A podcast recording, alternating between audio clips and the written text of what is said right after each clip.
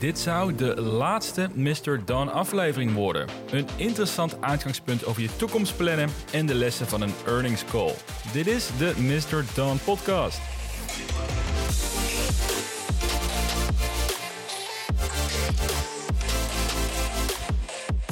Ja, leuk dat je naar een nieuwe aflevering. En het had niet veel gescheeld of dit was de laatste aflevering geworden.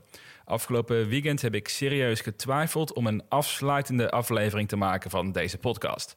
Het is met name het gevoel dat ik nu wel het gros heb besproken van wat ik zou willen bespreken. Dus natuurlijk zou ik wel iedere week een nieuw aandeel kunnen analyseren of een vergelijking kunnen maken tussen verschillende type aandelen in een bepaalde industrie. Maar goed, onlangs heb ik natuurlijk mijn portfolio voor dit jaar wel bepaald. Dus dat voelt ergens een tikkeltje gek. Tegelijkertijd merk ik dat er stiekem toch wat mensen luisteren naar deze afleveringen. En daar ben ik natuurlijk ontzettend dankbaar voor. Dus in de Spotify jaarcijfers bleek dat zelfs ruim 50 luisteraars zijn, waarvoor dit de meest beluisterde podcast van 2021 is. Dus dat is natuurlijk een enorm compliment. Ja, en het voelt mede daardoor ook dat ik mensen teleur zou stellen als ik nu zou stoppen met de podcast. Even los daarvan natuurlijk dat ik het zelf hartstikke leuk vind om te maken. Dus zover is het nog niet. Maar ik moet wel toegeven dat ik een manier aan het zoeken ben hoe ik een goede aflevering kan maken zonder dat het mij de hele zondag kost. Wat op dit moment helaas wel het geval is. En toen ik erover nadacht en merkte dat deze eigenlijk ook wel ja, raakvlakken heeft met beleggen, deze uitdaging, ja, leek het mij wel interessant om daar in deze aflevering iets meer over te gaan vertellen. Dus er kwam eigenlijk een aflevering die zou gaan als uh, de laatste aflevering van de Mr. Don podcast. Wordt opeens toch meer een inhoudelijke aflevering. Dus eind goed, al goed, zullen we maar zeggen dan. Want onlangs kwam ik de uitspraak tijd is geld tegen. Nou, dat is een, een beetje een, uh, een, cheesy uitspraak natuurlijk, die iedereen wel kent. En in ieder geval bij mij geassocieerd wordt met die manager die niet wil dat je vijf minuten meer pauze neemt. Maar dat bracht mij wel op het idee om inzichtelijk te maken van hoeveel tijd ik per week eigenlijk over heb. Maar als je rekent met 7 keer 24 uur per week, nou, dan haal je daar 8 keer of 8 uur voor het slapen vanaf. Je door de weekse werkuren, nou, dagelijkse activiteiten, noem het even koken, eh, kinderen naar de, speel, eh, naar de speelschool of de sportvereniging brengen. Nou, dan krijg je daarna, houd je je ongeveer vrij besteedbare uren per week je over. En die uren zijn uiteindelijk doorslaggevend in waar jij over een paar jaar staat. Want investeer je die uren in hobby's of in Netflix, ja, of besteed je die uren om te leren of om richting een bepaald doel te werken. Nou, ongeacht wat je kiest, natuurlijk is beide prima en persoonlijk. Maar het bracht bij mij wel het besef dat ik weinig besteedbare vrije uren per week heb. Waarvan de Mr. John podcast nu ongeveer de helft van die vrije tijd inneemt. En dat is prima als hobby, maar brengt het mij ook dichter bij een doel. Nou, toen luisterde ik afgelopen week naar mijn favoriete podcast. Dat is namelijk de My First Million podcast. Uh, vreselijke naam, dat zeggen beide hosts ook. Maar het is wel een geweldig vermakelijke podcast als je interesse hebt in startups en in business ideeën. En in een van hun recente afleveringen was een interview met Raoul Paul. Die vooral bekend geworden is doordat hij enkele jaren geleden het gros van zijn vermogen in Bitcoin investeerde. En daarnaast is hij ook bekend van zijn mediakanaal Real Vision, waar hij financieel macro-nieuws brengt. Nou, in het interview vroeg de host aan Raoul hoe hij die beslissing heeft kunnen maken om jaren geleden met het gros van zijn vermogen in Bitcoin te investeren. Nou, en toen vertelde Raoul over zijn manier van denken, wat ik zelf eigenlijk wel erg interessant vond. Hij vertelde namelijk dat hij zichzelf altijd vijf jaar in de toekomst inbeeldt. Nou, hoe ziet de wereld dan eruit? Uh, wat voor diensten, wat voor producten zijn dan populair? En op welke plek wil hij dan staan? En vanuit die gedachtegang bedenkt hij een aantal concrete stappen hoe hij over vijf jaar op die plek kan komen die hij dus nu visualiseert. Het is eigenlijk een soort persoonlijk meerjarenplan, maar dan andersom gedacht. En dat is eigenlijk ook wel de stijl van een belegger die in innovatieve groeiaandelen zit. Maar natuurlijk deze podcast over gaat. En waar misschien wel veel luisteraars zich ook wel in zouden kunnen herkennen. Want dat is natuurlijk ook de gehele filosofie waarop mijn portfolio is ontwikkeld. hoe ziet de wereld er over vijf jaar uit? En welke stappen die je nu te zetten als belegger om er over vijf jaar maximaal van te profiteren? En daar is het investeren in de juiste assets is daar natuurlijk gewoon één onderdeel van. het afgelopen weekend kwamen die beide gedachtenrichtingen eigenlijk bij mij samen. Dus hoeveel vrij besteedbare tijd heb ik? En hoe ziet de toekomst er over vijf jaar uit? En hoe moet ik nu mijn besteedbare uren invullen om voorbereid te zijn op die toekomst? En in mijn scenario betekent dit dat ik eigenlijk meer tijd zou moeten investeren in bijvoorbeeld het leren kennen van startups, eh, het leren hoe nieuwe technologie werkt, zoals blockchain, eh, voice, eh, Web3, en ook welke problemen het kan oplossen. En ik denk dat daar een aantal enorme kansen liggen voor over een paar jaar. Naast een aantal groeidomeinen die ik regelmatig in deze podcast heb benoemd, zoals 3D-printing en elektrische auto's, ja, dat is meer vanuit een investeerdersperspectief. Want uiteindelijk blijft beleggen in groeiendelen en investeren in startups, dat blijft natuurlijk belangrijk voor mijn lange termijn financiële doelen. Dus dat gaat gewoon door.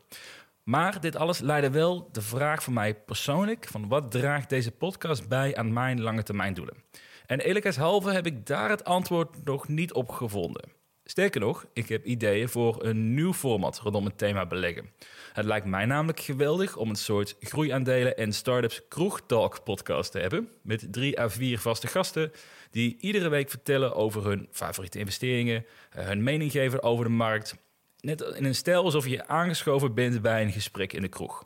En volgens mij kan dat ontzettend vermakelijk zijn en tegelijkertijd nieuwe inzichten en informatie geven aan beleggers die zich ook willen focussen dus op groeiaandelen in toekomstgerichte industrieën. Dus mocht je mensen kennen die in dit plaatje passen en hier interesse voor hebben, laat het aan mij zeker even weten. Ik ben ook wel benieuwd trouwens wat jij vindt van zo'n format. En mocht het ooit zover komen, nou, dan gaan we het wel merken wat daar... Uh, wat voor een mooi idee eruit komt. Maar tot die tijd gaan we verder met de Mr. Don podcast. Al ben ik natuurlijk eerlijkheidshalve dus wel aan het twijfelen, of aan het, eh, laat ik zeggen, aan het nadenken, ja, hoe ik dit voor een langere termijn op een redelijke manier kan blijven doen. Dus dit was iets wat de afgelopen week in mijn hoofd zat en wat voor mij natuurlijk ook wel impact gaat maken over wat dit betekent voor deze podcast en voor mij, waar wil ik mijn tijd in investeren. Maar ik vond het vooral ook wel een interessante, eigenlijk vanuit een beleggersmentaliteit, beleggersoogpunt. Van ja, doe een stapje eigenlijk vooruit. Denk na hoe de wereld echt uit gaat zien over vijf jaar. En niet alleen maar met je investeringen, met je beleggingen die je doet. Maar denk ook na van ja, hoe ga jij daar verder een rol in krijgen? En misschien als je op die manier gaat nadenken, ga je zelf ook meer investeren in kennis op bepaalde gebieden. Misschien ga je wel meer of minder risico nemen. Ik bedoel, ieders toekomst ziet er natuurlijk anders uit. Maar het is wel interessant om daarover na te denken. En ik ben eigenlijk wel heel benieuwd of er mensen zijn die ja, ook zo'n perspectief hebben. Die vijf jaar in de toekomst durven kijken en daar ook uh, profijt van hebben gehad. Of niet. Maar voor mij vond ik het in ieder geval een hele interessante gedachtegang. Iets wat mij helpt. Ja, en zeker iets waar ik de komende week mee verder zal gaan. Maar over uitdagingen gesproken, dit is natuurlijk uiteindelijk een podcast over aandelen, over beleggen. Dus laten we daar eerst over verder praten. Want afgelopen week liep ik tegen een interessant scenario aan wat ik met jullie wil delen in deze aflevering. Mijn grootste holding, Canoe, de elektrische voertuigen startup, had namelijk hun Q4 earnings call. Nou, van tevoren had ik bepaalde verwachtingen. Met name was ik benieuwd naar partnerships met grote afnemers of hun productieverwachting van 3000 tot 6000 auto's dit jaar, of dat nog steeds overeind zou staan. Hoe ze dat voor elkaar denken te krijgen zonder een fabriek die al gebouwd is. Ja, en hoe zij een financieel zekere situatie willen creëren. Want met de huidige cashburn is het een kwestie van een aantal maanden voordat Canoe geen geld meer heeft. Ja, dus hier zal iets in moeten gaan gebeuren. En die call die was afgelopen maandagavond. En ik moet toegeven dat ik met veel spanning naar het moment heb toegeleefd. Enerzijds klinkt dat leuk, hè, dat je zo kan uitkijken naar een earnings call. Maar anderzijds was deze spanning meer iets van: ik hoop dat het goed komt. En toen besefte ik mij eigenlijk dat het betekent dat ik simpelweg te veel kapitaal heb zitten in dit aandeel. Maar daarover wil ik straks iets meer vertellen. Maar goed, eerst terug naar de earnings call, want rond marktsluit was het wachten op de cijfers van Canoe. Ze zouden iets na 10 uur Nederlandse tijd gedeeld worden. Nou, inmiddels is het 10 over 10, nog steeds geen cijfers. 20 over 10, nog steeds geen update van Canoe. Half 11, nog steeds geen cijfers. Dus je kunt je voorstellen dat de Canoe Discord groep waar ik in zit, nou, dat die helemaal langzaam begon te knijpen over de resultaten. En uh, ik zelf natuurlijk ook. En uiteindelijk kwam de investor letter naar buiten, een paar minuten na half elf. Nou, ze hebben duizend auto's verkocht aan een Amerikaanse staat, met daarnaast een minimale financiële incentive van 15 miljoen dollar en een bevestiging van hun productieplannen in Arkansas, wat eigenlijk al lang bekend was. En dat was eigenlijk het complete verhaal, of hun hoogtepunten van het afgelopen kwartaal. Dus logischerwijs ging ik ervan uit dat dat niet alles kan zijn en dat tijdens een call nog wel het een en ander zou worden toegelicht. Ja, nu is het goed om te weten, mocht je zelf geen belegger in Canoe zijn, en dat zijn er een, een hele hoop denk ik, dat de CEO niet bepaald de werelds grootste hype man is.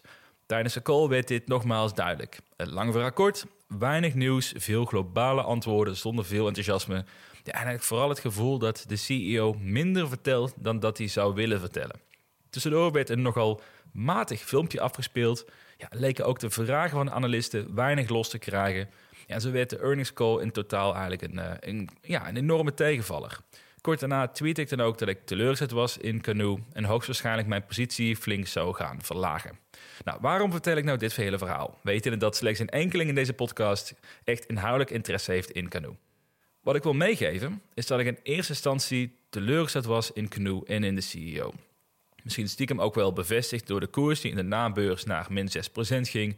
Ook al zijn het voornamelijk algoritmes die met elkaar traden met eh, minimale volumes. Maar vooral het feit dat mijn belangrijkste vragen niet zijn beantwoord, ja, maakte mij ongemakkelijk met mijn grote positie in het aandeel. Dus ik besloot er om een nachtje over te slapen om de dag erna de hele call weer te gaan evalueren. Op seekingalpha.com komt altijd binnen enkele dagen, of meestal de dag erna, na een earnings call, komt een zogeheten transcript online. Oftewel een textuele uitschrijving van de gehele call. Nou, mocht je een bovengemiddelde positie hebben in een aandeel, dan raad ik je absoluut aan om het transcript te lezen. Ook al heb je zelf de call bijgewoond. Ik ging namelijk het verslag lezen en het leek wel alsof ik bij een compleet andere call had gezeten. De CEO ging namelijk wel in op alle punten die ik belangrijk vond. Hij gaf aan wat een strategie is rondom de verdere financiering van het bedrijf, waarbij hij driemaal aangaf dat de wijze van kapitaal ophalen niet ten koste zal gaan van de aandeelhouders, dus het zogeheten non-dilutive capital. En dat stuk had ik eigenlijk helemaal gemist in de call zelf. Misschien doordat ik teleurgesteld was, of misschien omdat ik de CEO niet zo goed kon verstaan, maar dit was natuurlijk cruciale informatie. En ook kwam het besef dat de CEO de productieverwachting opnieuw heeft bevestigd. Dus dat er de 3 à 6.000 auto's geleverd worden dit jaar en circa 14.000 tot 16.000 volgend jaar. En wat zei hij daarna nog meer? Nou, dat de interesse zo hoog is dat zij verwachten oversold te raken voor de komende twee jaar. Dus eigenlijk veel meer vraag dan aanbod. En dat zij de focus gaan verleggen van marketing en sales naar meer een customer support en naar een werkwijze waarop die te produceren auto's op een manier wordt verspreid klanten, zodat ook de vraag in de opvolgende jaren hoog zal blijven. Dus dat is iets waar zij zich meer op zullen gaan richten in de komende twee jaar. En dit aspect, dat had ik wel gehoord in de call, maar ik had niet opgevat wat dit daadwerkelijk eigenlijk voor Canoe betekent. En zo waren er nog een paar uitspraken die ik helemaal gemist had, maar die veel vertrouwen opleveren voor de gemiddelde Canoe-belegger. En even los van Canoe zelf, maar dit was voor mij wel een eye-opener. Het is schijnbaar niet voldoende om ieder kwartaal de earnings call presentatie te doorlopen. Nou, dat, dat wist ik wel, dat, dat alleen dat niet voldoende is. Dus vandaar dat ik ook bij mijn grotere holdings ja, ook zelf in de call inbel. Maar ik had niet verwacht dat het transcript nog zoveel informatie kon brengen. Of op zijn minst, ik moet de informatie beter kan overbrengen. Als ik niet de tijd had genomen om dit verslag te lezen, en gelukkig had ik net een weekje vrij, dus ik had de tijd ervoor, dan was de kans groot geweest dat ik de helft van mijn canoe-positie direct had verkocht de dag erna. En dit was, even uh, los voor de koers nu gaat reageren de komende dagen, ja, niet de beste beslissing geweest. Omdat het bedrijf stiekem meer vooruitgang aan het boeken is dan dat het lijkt. En ook al kost het misschien wel meer tijd en meer vertrouwen dan dat ik op had gehoopt. Tegelijkertijd is dat ook een signaal dat investeren in dit soort bedrijven ja, gewoon veel meer tijd kost dan in andere. En dat is iets waar ik bewust voor heb gekozen bij het investeren in dit soort aandelen. Dus een learning van mij en ook een tip aan ieder. Nou, als je grotere posities hebt, ja, neem je huiswerk serieus, zit bij de call, maar lees dus vooral ook het transcript door op het moment dat je er rationeel naar kan kijken. Los van emotie, niet kijken naar de koersactie. Ja, dat gaat je helpen om betere inhoudelijke keuzes te maken van wat je next step gaat zijn bij, uh, bij een bepaalde investering. Ik weet in ieder geval dat het mij enorm geholpen heeft in dit specifieke geval. En dat ik hierdoor een, uh, nou, toch wel een waardevolle les heb geleerd. Wel moet ik één punt van zelfreflectie benoemen. Ik zei het net al, ik vond de avond met de earnings call behoorlijk spannend. Alsof mijn favoriete voetbalclub een beslissende wedstrijd speelde. En dat klinkt leuk en betrokken, maar eigenlijk besef ik mij dat dit betekent dat ik simpelweg te veel vermogen heb zitten in dit ene aandeel. En dat klopt ook wel, want zo'n 50% van mijn portfolio is Canoe. En die geconcentreerde keuze die heb ik bewust gemaakt. Maar ik merk nu wel, zeker als de markt tegen zit en alle koersen dalen, dat dit een spanning is die eigenlijk niet gewenst is bij beleggen. Het zorgt er namelijk direct voor dat je een korte termijn mindset krijgt en de koers opeens veel interessanter gaat vinden dan hetgeen het bedrijf aan het bouwen is. Ja, dat is niet per se een goed signaal, want het kan zorgen voor meer emotioneel gedreven acties. In de vorige aflevering gaf ik al aan dat ik een portfolio van 10 posities aan het bouwen ben. En na mijn ervaring hiermee in de afgelopen week is het voor mij wel bevestigd dat dit de juiste keuze is. Dus de komende maanden kan ik hopelijk mijn portfolio meer in balans krijgen door te herallokeren van Canoe naar andere posities, mits ze natuurlijk net zo'n goede risk-reward te bieden hebben.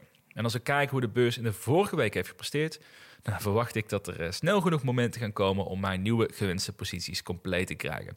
Dus ik ga niet meteen Canoe verkopen. Het is niet meteen een reactie van het viel tegen, dus de helft van mijn geld gaat eruit. Maar het is wel dat ik besef dat ik het herallokeren daarvan, zodra er een goede kans komt, ja, dat dat stiekem toch wel een, uh, een goede keuze lijkt. Afsluitend over de earnings calls voor de komende week is er een mooie herkansing, want er mag namelijk Desktop Metal gaan laten zien wat zij hebben gepresteerd in het afgelopen jaar. Persoonlijk verwacht ik eigenlijk weinig verrassends op gebied van omzet of een guidance voor 2022, maar ben ik vooral benieuwd naar de levering van hun production system, de grote verwachte cash cow van het bedrijf, en hoe de vele overnames van 2021 een plek gaan krijgen binnen het bedrijf. Afgelopen week hebben ze aangekondigd dat het production system, ook wel de P50 genoemd, eindelijk is geleverd aan de allereerste klant. In dit geval namelijk Black Decker. Dus Desktop Metal lijkt op weg om de critici te gaan overtuigen. Dus laten we hopen dat zij in ieder geval een goede call maken. En ik zal in ieder geval de transcript de dag erna uh, even uitgebreid gaan lezen. Ja, dit is eigenlijk wel de belangrijkste waar ik het deze week over wilde hebben. Dat is een iets kortere aflevering misschien, maar besef wel, dit zou eigenlijk de allerlaatste aflevering van de Mr. Don podcast moeten worden, of het had het kunnen zijn. Maar het is toch omgeturnd naar het verhaal over lange termijn planning en het doorgronden van een earnings call. Dus een korte aflevering deze keer, maar in ieder geval met een open einde voor een nieuwe aflevering voor volgende week maandag. En dan denk ik erover om weer eens een aandeelanalyse ervan te maken. En dan is HubSpot, het CRM Software as a Service tool, waarschijnlijk een hele leuke keuze om uitgebreid te bespreken. Want dat aandeel is niet eerder besproken in deze podcast, maar het is wel onderdeel van mijn gewenste portfolio van dit jaar. En als we kijken naar hoe gestrest de markt reageert, nou, lijkt een koopmoment wel eens dichterbij te gaan komen. Dat lijkt mij een leuke keuze voor een volgende aflevering.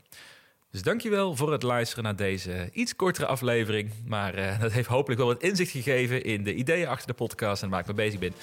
En dan hopelijk tot de volgende week.